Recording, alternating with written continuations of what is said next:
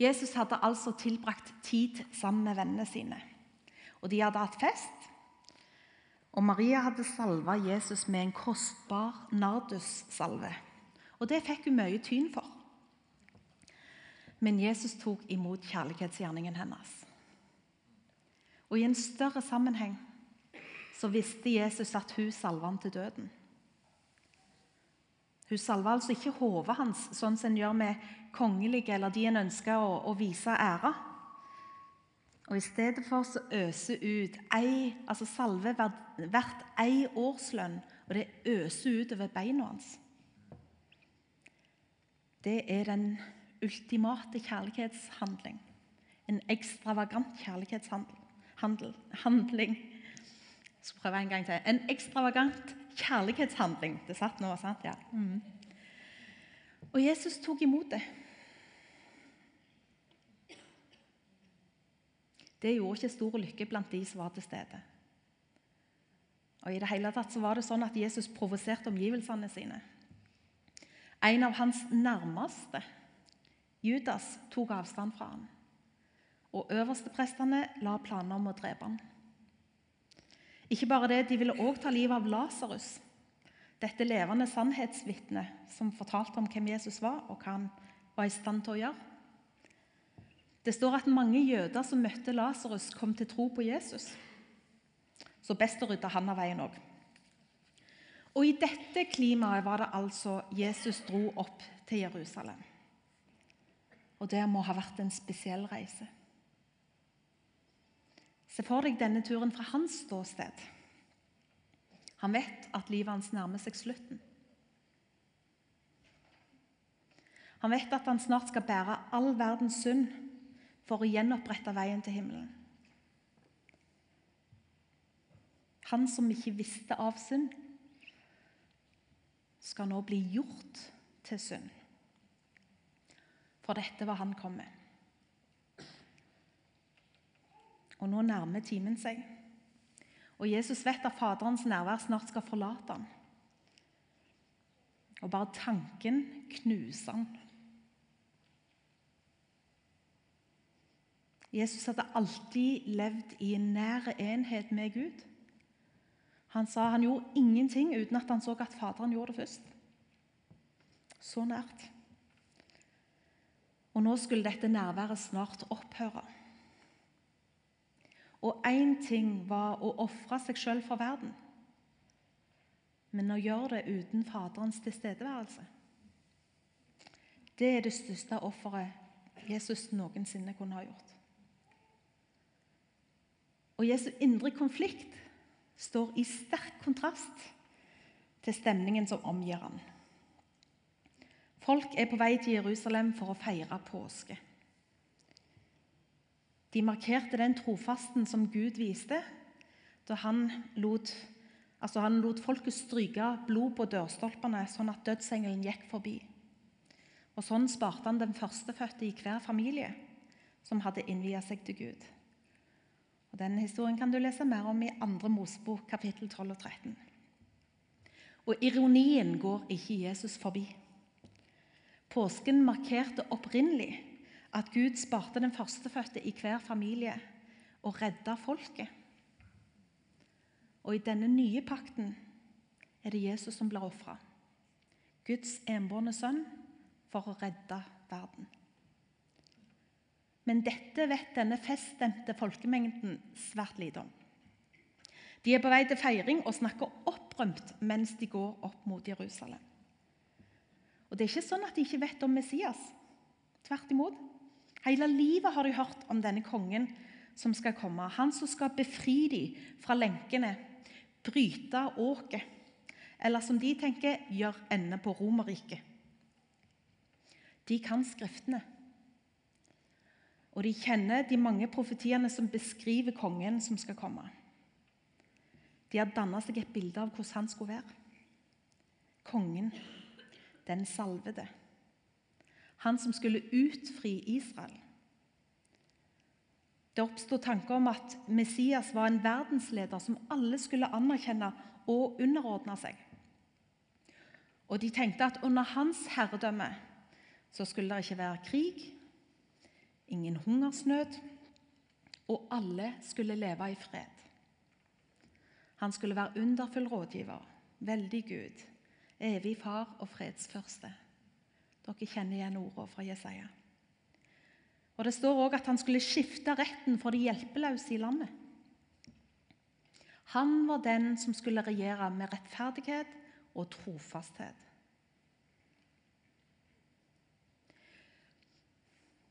De hadde nok kanskje i bakhodet at han ikke skulle ha en såkalt herlig skikkelse. For såpass hadde de lest i Jesaja. Han skulle være som en ung, liten plante som sprengte seg opp gjennom tørr jord. Og Like fullt så skulle jo Isais rotskudd stå som et banner for folkene. står Det Det kunne vel ikke være så vanskelig å få øye på. Fram mot påsken så hadde de lest Malakis ord om hvordan Herren skulle komme som dommer. Hvordan han skulle sørge for rettferdighet for Israel og sette et definerende skille mellom Guds utvalgte folk, eller de som fulgte loven, og de som ikke gjorde det. Og De minner hverandre nettopp om dette. Vi er Guds utvalgte, utvalgte folk. De som han oppretta en pakt med. Og De leste opp teksten fra Jesaja 52. Se, min tjener skal ha framgang. Han skal opphøyes og løftes opp og bli svært høy. Og Så hoppet de gjerne bukk over de versene som kom etterpå, om en Messias som var så ødelagt at han ikke lenger så ut som et menneske. Og at mange skulle forferdes over ham. De venta på en oppreisning. Messias skulle komme med dom og forløsning. Den opphøya, eller den høye og opphøyde, som det står, skulle samle folket og herske med fred. Og det gjorde han jo. Men ikke sånn de forventa.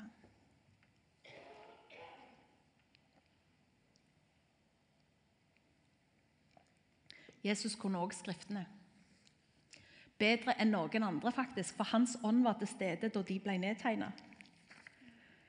Og han kunne ordene fra Zakaria 9,9. Bryt ut i jubel, datter Sion.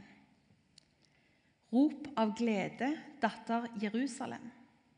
Se, din konge kommer til deg, rettferdig og rik på seier.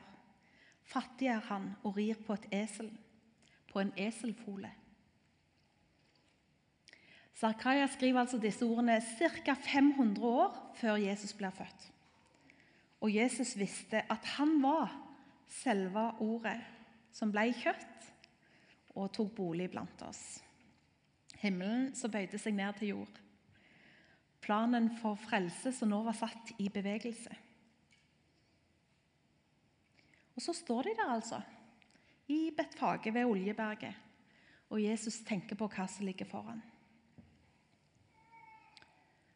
Jesajas profeterte i kapittel 53 at Messias skulle tømme ut sitt liv til døden, står det i den oversettelsen som er nå. En annen oversettelse sier at Jesus eksponerte seg sjøl for døden. Å eksponere seg for døden, det måtte jeg tenke litt på. Å gjøre seg synlig for. Tilgjengelig for å stille seg innen rekkevidde for døden. Han som var liv, valgte å utsette seg sjøl for døden. Ingen kunne ta Jesu liv. Kun han kunne gi det. Og alt dette farer gjennom tankene til Jesus.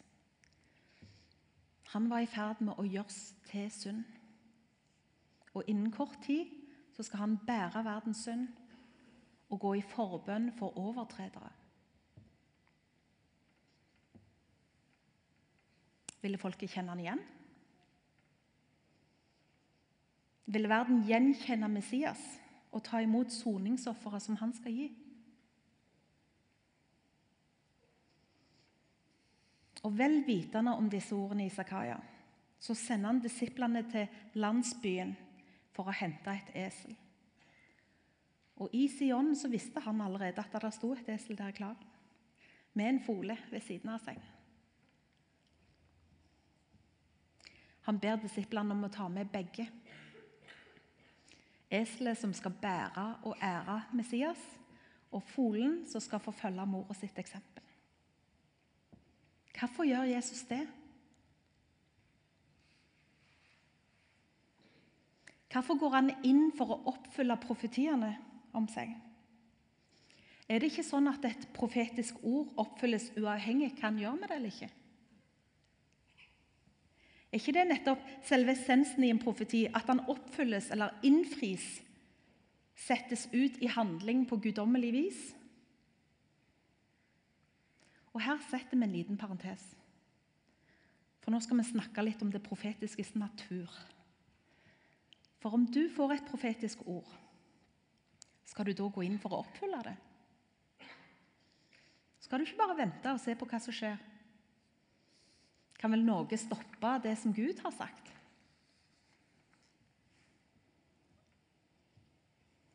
Dere er veldig stille, men jeg velger å tro at dere tenker. Okay. La oss se litt på dette. Om du får et frø som du velger å beholde i innerlommen på den dressjakken som du aldri bruker. Hvor sannsynlig er det da at du vil få se det spire?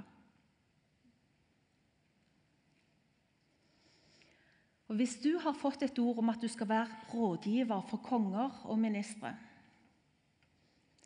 og at du ikke investerer i utdannelse eller kunnskap, hvordan har du da forvalta kallet ditt? Hvis du har tro for det Gud har kalt deg til, hvorfor investerer du da ikke i det? Skal du ha en sentral rolle i politikk eller næringsliv? Hva gjør du da for å se det skje? Det ville være rart om du ikke forberedte deg, ikke sant?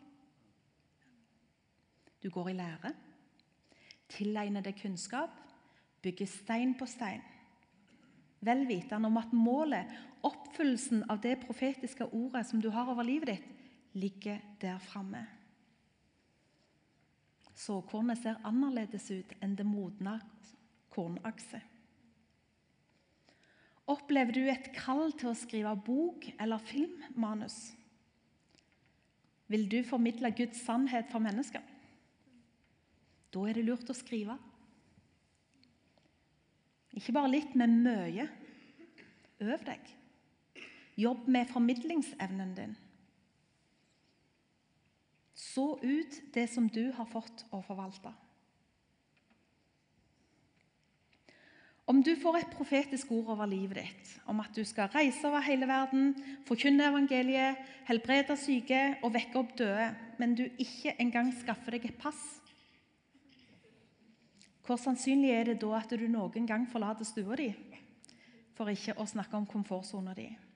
Og Noen av dere kjenner igjen David Wagner sin historie i akkurat det. Han fikk et ord over livet sitt, og han handla på det. Noe motvillig, riktignok, men så gjorde han det. Og Guds navn ble herliggjort. Et profetisk ord over livet ditt, en invitasjon til å gå inn i det som Gud har for deg. Du er ikke nødt, men du kan. Ett steg inn i nådesordet kan forvandle livet ditt. Parentes slutt.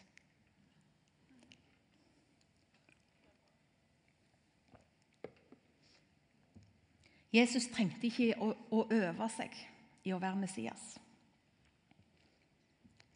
Han var det i kraft av å være Guds sønn, uavhengig av hvorvidt folket kjente han igjen eller ei. Men han velger å gå den veien som Gud har lagt foran ham. Han går veien mot Jerusalem. Inn i lidelsen. Målretta framover mot verdens frelse. Ett steg av gangen. Og det er så viktig for han at folk ikke går glipp av det. Han gjør sin vandring synlig for folket. Det er som om han sier, 'Husker dere?' Husker dere de ordene i Zakaria? Gud lover, og han svikter ikke. Frelsen som skulle komme ridende på et esel til Jerusalem. Her er jeg. Ser dere meg? Tar dere imot den gaven som jeg kommer med? Jeg gir mitt liv i deres sted. Jeg er ordet som blir oppfylt. Og folket responderer. De roper Hosianna og hyller kongen. Han som er rettferdig og rik på seier. Han som de har venta på. Befrieren. Fredsførsten.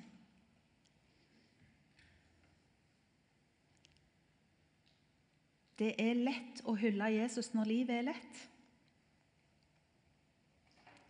Når det er beine veien og sola skinner. Litt verre når det regner. Bortimot umenneskelig vanskelig når sorg og smerte gjør det vanskelig å se at det er noen vei i det hele tatt.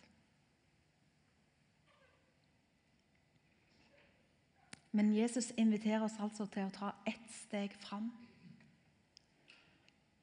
Nærmere han. Inn i det som han har for oss. Og Folket de tar kapper og palmeblader og så kaster de ned på bakken foran han. Det de hadde, det de bar, det de skjulte seg i. Det som viste hvem de var. Det som var tilgjengelig.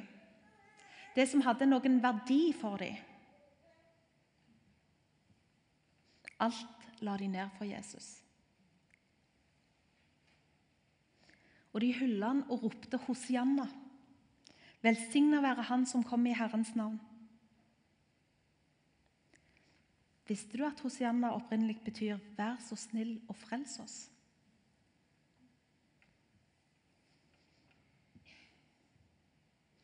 Folkets hyllingsrop var en bønn om nåde. Vår lovsang til Jesus er òg en bønn om nåde. Vårt hyllingsrop, vårt halleluja, er en anerkjennelse om at han er Gud, og at vi er fullstendig avhengig av han. Enten vi vet det eller ikke. Johannes 3, 16 er et kjent vers. Skal vi få det opp på veggen her? Disse ordene om hvor høyt Gud har elsket verden. Så høyt at han ga sin enbårne sønn, for at hver den som tror på han ikke skal gå fortapt, men ha evig liv. Det er sanne ord, viktige ord, viktigere enn noe annet. Men på samme måte som jødene lett hoppet bukk over de versene som de kanskje ikke likte så godt i Jesaja 52, så står vi i fare for å hoppe over de neste versene. Vi kan dette, men hva står det i de neste? Gud sendte ikke sin sønn til verden for å dømme verden, men for at verden skulle bli frelst ved ham. Det var ikke Guds dom som motiverte han til å sende Jesus. Det var hans kjærlighet. Hans plan til frelse. Og uten Jesus kan vi ikke kjenne Gud. Uten Han hans forsoning så har ikke vi håp. Men i Han så har vi alt. Dere skal få opp message-oversettelsen på, på, veggen, og så skal jeg eh, lese gjennom det på norsk. Av disse versene i Johannes 3, 17-18. Mm. Gud tok ikke bryet med å sende sin sønn kun for å rette en anklagende pekefinger og fortelle verden hvor ille han var. Han kom for å hjelpe for å sette verden tilbake i rett stand. Enhver som stoler på Han, er frikjent. Enhver som nekter å stole på Han, har lenge vært dødsdømt uten å vite om det. Hvorfor? Fordi vedkommende ikke trodde på den enestående Guds sønn da han eller hun ble presentert for ham.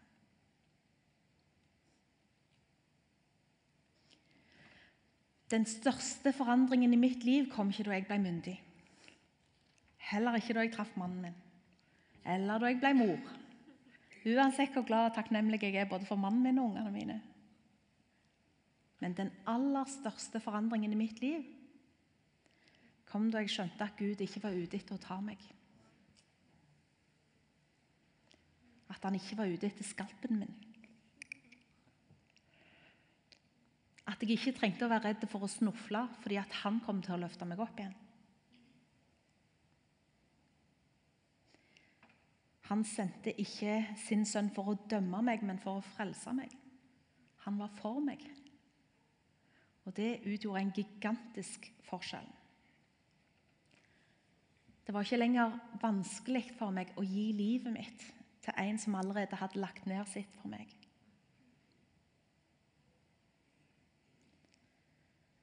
Du får nåden i gave, men ikke la deg lure til å tro at den er billig eller gratis. Den kosta Jesus alt.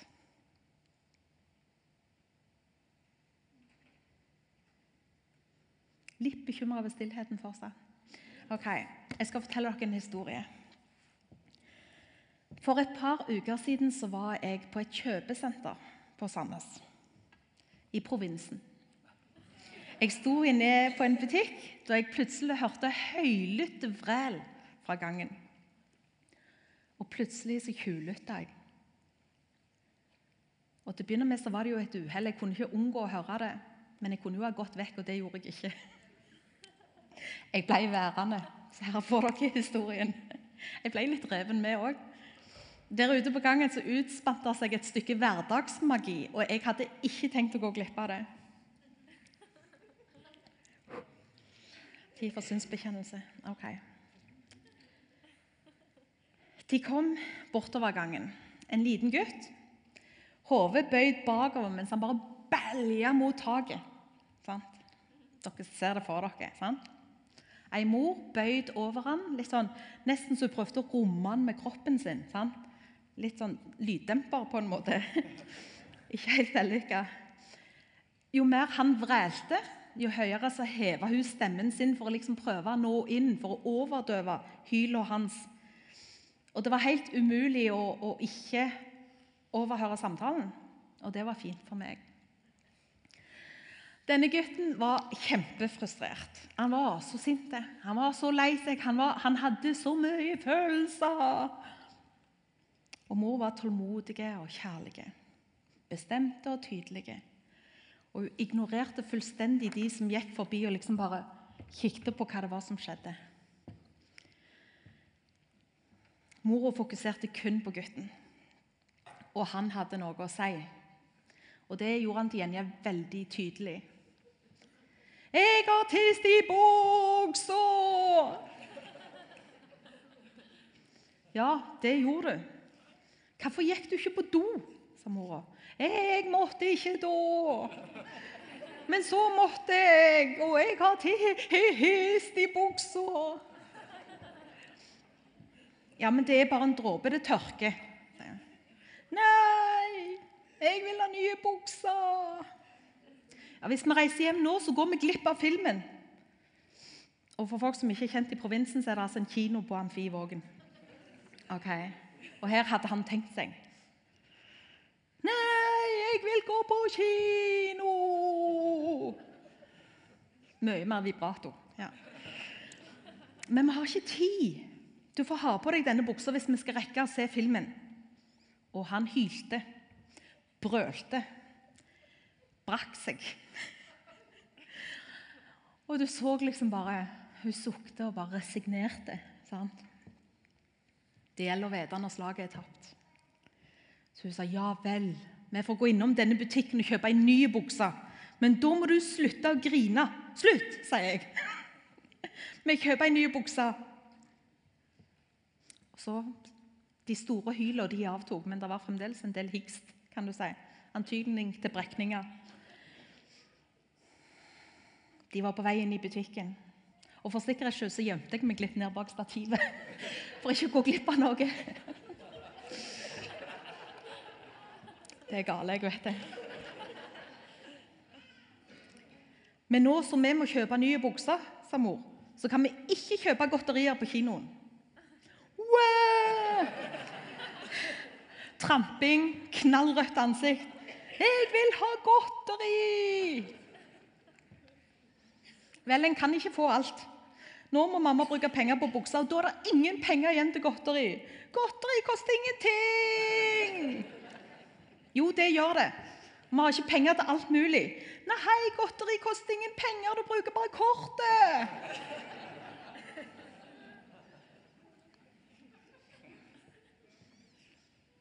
Og Av og til så føler jeg at vi behandler Jesus sånn.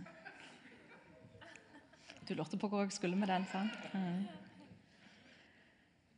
Vi kan jo gjøre hva vi vil. Vi blir jo tilgitt.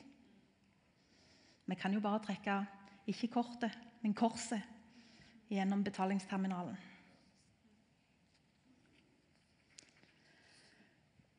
Det blir ingen frelse uten dom. Og Jesus ble dømt i ditt sted, som deg. Og du går fri fordi han betalte. Ikke fall for fristelsen til å tro eller til å se smått på den prisen som han betalte. Det var ikke gratis. Ikke for han.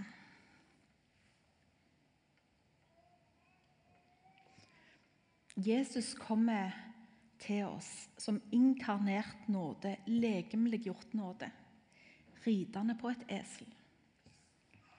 Ordet som ble oppfylt. Det står noen ord i Jesaja 53, 6. Vi gikk oss alle vill som sauer, hver tok sin egen vei. Men skylden som vi alle hadde, lot Herren ramme ham.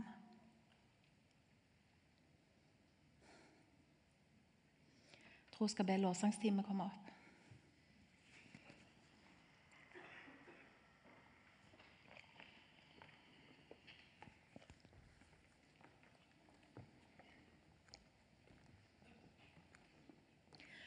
Det er palmesøndag. Inngangen til påske. Og du får si 'Hosianna'. Vær så snill og frels meg.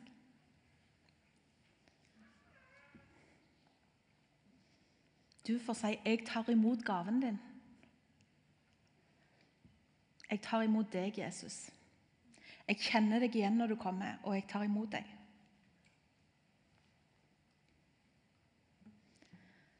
Her og nå så legger jeg ned kappen min og hele stæsjet mitt. Og jeg vet at du tar imot meg. Du får legge ned det ordet som du har fått over livet ditt. Løftene dine, drømmene og lengslene dine. Og legge de ned sammen med palmegreiner og bjørkefikner, eller hva du måtte ha for hånd. Du får si ut at 'Her er jeg, Jesus'. Jeg går ingen steder uten deg. Men der du går, der vil jeg til gjengjeld følge.